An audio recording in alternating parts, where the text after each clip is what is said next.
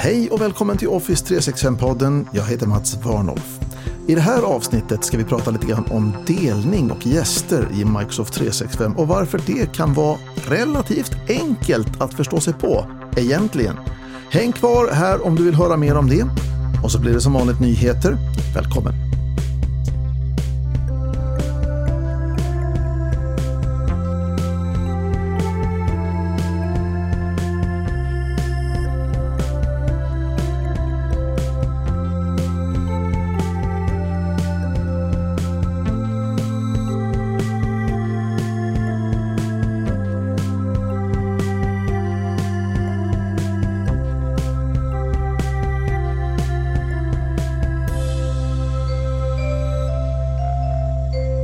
I förra veckan fick jag höra från någon att Microsoft 365 är osäkert. Det stämmer ju inte riktigt med min bild, så jag var tvungen att fråga vad han menade. Det är omöjligt att ha koll på vilka externa som kan komma åt vad och vad som är utdelat. Ja, bara så du vet, det finns absolut inget omöjligt i att ha koll på det. Men det kan verka komplicerat, så jag tänkte jag skulle göra ett försök här i podden och förklara hur extern delning funkar i Microsoft 365. Så om du lyssnar vidare så ska jag förklara delningslänkar, gästkonton, externa användare, granskning av delningsaktiviteter i loggar och sen så lite goda råd om just delning. Men vi börjar med delningslänkar. Om du vill dela någonting specifikt så kan du använda en delningslänk. Med en sån kan du dela ut en mapp eller en enstaka fil eller något sånt. En delningslänk har en massa alternativ som du kan ställa in för att göra delningen mer säker. Vilka inställningar du ska använda, det beror förstås på. Mm, konsultens treordsvar, det beror på, för det gör det. En delningslänk har olika delningstyper. Du ser dem och måste välja när du delar ut någonting. Först har vi typen personer med åtkomst. Det betyder att vi får en enkel klickbar länk, men den länken ger inga behörigheter. Alla som försöker använda länken måste alltså redan vara behöriga. Sen har vi personer du väljer. De här länkarna fungerar inte för vem som helst utan är öronmärkta för användning av de som du namnger. Här måste personen du delar med kunna bekräfta sin identitet. Och hur de gör det beror på vilken slags mejladress du anger. Om det är en Microsoft 365-adress, en Outlook.com-adress eller ett Google-konto, ja, då blir det enkelt för användaren att komma åt det du delar. De bara klickar på länken och kommer åt det du delar direkt. Andra typer av mejlkonton och mejladresser de får verifiera sin identitet med en engångslösenord istället. Sen har vi personer i din organisation med länken. Och det är precis som det låter. Att länken funkar för andra i din organisation. De får behörighet automatiskt när du delar ut någonting, men de måste redan vara existerande användare. Den sista typen av länk är speciell, för den kräver inte ett konto någonstans. Den heter Vem som helst och den är en anonym delningslänk. Jag vill vara tydlig här och säga att säkerhetsmässigt så är det här samma sak som att mejla ett dokument till någon. Vi vet inte vad som händer med dokumentet därefter. Alla fyra låter oss välja om vi ska göra det möjligt att redigera eller bara läsa. Så här kan det vara klokt redan här att bara tillåta läsning för de som bara ska kunna läsa. Sen skiljer det sig. Personer med åtkomst och personer du väljer har en extra inställning när vi väljer att länken enbart ska göra det möjligt att läsa. Om du har läsrätt normalt sett så får du typiskt ladda ner filen. Men vi kan förbjuda så att man bara kan titta på den i webbläsare under de här två länkarna.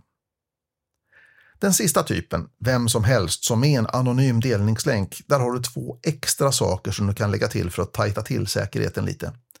Ett sista förbrukningsdatum då länken slutar fungera och inte längre leder någonstans. Och ett lösenord. Meningen är att du ska skicka länken med mail och lösenordet via till exempel ett chatt eller ett mobilmeddelande eller någonting sånt. Din organisation kan göra några val när det gäller de här delningslänkarna. Vilka typer som ska vara tillåtna och vilken typ som ska vara standard. Du kan också välja från vilka sajter och team du ska kunna skapa delningslänkar. Så om behovet är att ge någon åtkomst till en enstaka fil så är delningslänken rätt väg att gå. Om du är administratör finns det andra saker du kan göra för att kunna dela lite tryggare, som att granska delningslänkarna regelbundet och tidsbegränsa dem som standard. Granskningen kan du göra i Microsoft Purview där du kan söka efter en rad saker som har med delning att göra. Skapa anonym delningslänk är en av de händelserna du kanske vill titta på i loggen. Om du har större behov och inte bara vill dela en enstaka fil eller så, utan du vill kanske samarbeta och ge tillgång till tjänster och liknande saker, ja, då har vi möjligheter att låta externa personer komma åt till exempel ett team eller en SharePoint-sajt. Det finns två tekniker för det här. Det ena är att bjuda in individer och bli gäst i ert Microsoft 365. Den tekniken kallas för Business to Business Collaboration. Fast Microsoft stavar det där business to business med en förkortning. De skriver bara B2B. Men det står för business to business. Och den här tekniken business to business collaboration var fram till nyligen det enda sättet att låta externa samarbeta med dig i någon av dina sajter. Den externa individen fick ett personligt gästkonto i eran Microsoft 365. Gäster är licensfria och kan använda sig av tjänster som Teams och SharePoint hos er utan att du behöver betala något i Microsoft. Gäster kan sedan göras medlem på en sajt eller ett team och som gäst har man inte samma möjligheter som era egna anställda har. Men att samarbeta går bra. För att göra det här på ett säkert sätt så behöver vi kunna göra regelbundna granskningar för att se till att rätt gäster kommer åt rätt resurser. Att hålla efter det här pedantiskt, det gör livet mycket tryggare. Och för all del så ska du inte bara granska gästernas åtkomst på det här sättet. Titta med samma kritiska ögon på dina medarbetare och kollegor.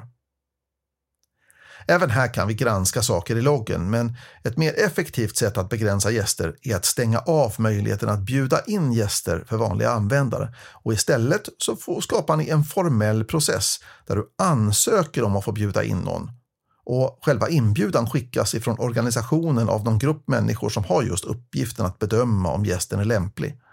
Sen sätter du inställningen att man bara kan göra existerande gäster medlem av en sajt eller ett team. Det fanns ju två sätt att samarbeta sa jag. Och det nyare sättet heter Business to Business Direct Connect. Det här nya sättet bygger på att vi har ett formellt förtroende för en annan part en leverantör, kund, partner eller så. När man har en formell överenskommelse att samarbeta så kan man ställa in ett tekniskt förtroende mellan organisationerna. Det här gör du i Azure AD om du är administratör. Om det är du som har resurserna, det vill säga teamet eller sajten, så talar du om huruvida du litar på användare från partnern. Om det är du som har användarna så talar du om vilka av dina användare som ska kunna komma åt sajter och team hos din partner. Här har vi alltså inte några gästkonton utan externa användare. De bor i sin egen miljö och har sina konton där. Det smarta här är att förtroendet innebär att du litar på partnerns säkerhet i form av stark inloggning och principer. Så ett bra samarbete och en god dialog är ju en nödvändighet. Men du behöver inte engagera dig i användare eller gästkonton som hör till din partner. Och när partnerskapet eller samarbetet är avslutat så är det enkelt att strypa all access i en enda manöver. Just nu så stöds bara Office 365 som tjänst för åtkomsten, men tekniken är ju ganska generell, så det skulle förvåna mig om det inte snart kommer att stödjas i andra applikationer som använder sig av Azure AD. Kanske också externa applikationer som Dynamics eller tredjepartsappar. Bägge de här typerna av samarbete, business to business collaboration med sina gästanvändarkonton och business to business direct connect med sina externa användare, är fungerande sätt att ge åtkomst till mer än enstaka filer och så. Och hur håller man koll på användaraktiviteter då? Ja, på samma sätt som i delningsaktiviteter så loggas ju alla händelser och med ett filter så kan man enkelt zooma in på just gästanvändarna om man vill göra det. Gäster behöver livscykelhanteras precis som dina vanliga användare. De behöver offboardas och städas de också. Du kan kräva MFA, flerfaktorautentisering och villkorsstyrd åtkomst för både gäster och externa användare. Men när det gäller externa användare så kan du godkänna din partners inställningar så att användarna slipper ha dubbla MFA till exempel. Ja, det här var mina bästa tips när det gäller extern delning, oavsett om det handlar om en enstaka fil och vi gör en delningslänk eller om det är så att vi vill bjuda in folk för ett mer formellt samarbete, antingen som gästkonto eller extern användare. Vad funkar för dig? Hör gärna av dig office365podden varnolf.net. Ja, men vänta nu, jag utelämnar ju lite smarta tips. Hur vet du vilka delningslänkar som finns på en viss sajt? Om du besöker sajten som sajtägare eller administratör så kan du från kugghjulet där du gör inställningar för sajten klicka på webbplatsanvändning. Titta allra längst ner på sidan som visas så finns det möjligheter att skapa en rapport som heter Delas med externa användare. Resultatet öppnar du med Excel och där kan du filtrera och sortera i tabellen tills du fått ut allt matnyttigt som du vill ha.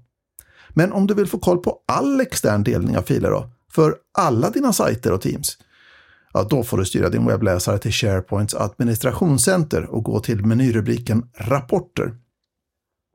Där finns dataåtkomststyrning och där kan du generera en rapport för de olika typerna av delningslänkar. Det här är egentligen ett enklare sätt att göra granskning av användarloggarna och leta efter någon som skapar en delningslänk. Ja, det var väl det då. Så det var inte så svårt egentligen. Okej, då går vi tillbaka till nyheterna.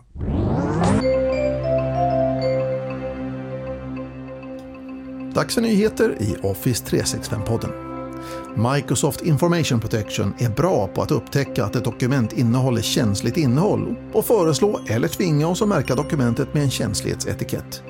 Men det gäller ju bara text i dokumentet. Men under senvåren utökas det här med möjligheten att upptäcka känsligt data i texter i en bild.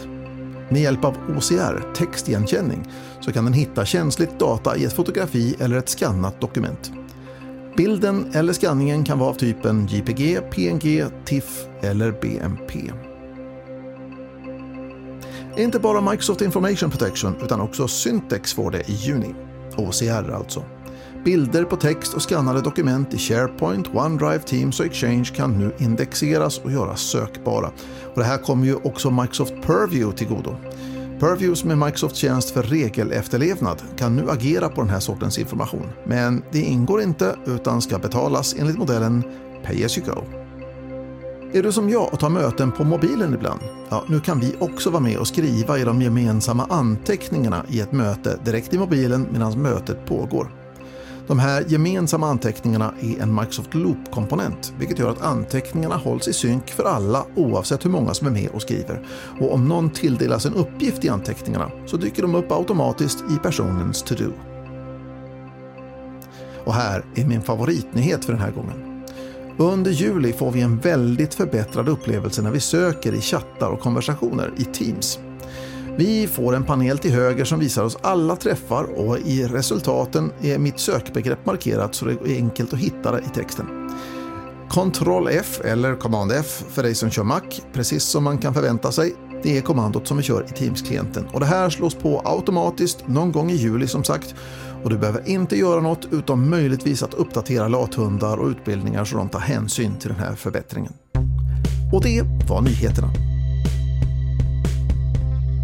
Och det var allt för Office 365-podden för den här gången. Jag heter Mats Warnolf. Om det är så att du har frågor, tankar och idéer så får du som sagt gärna kontakta mig på office365podden varnolf.net. Vi hörs snart igen. Tack för att du har lyssnat. Ha det så gott. Hej!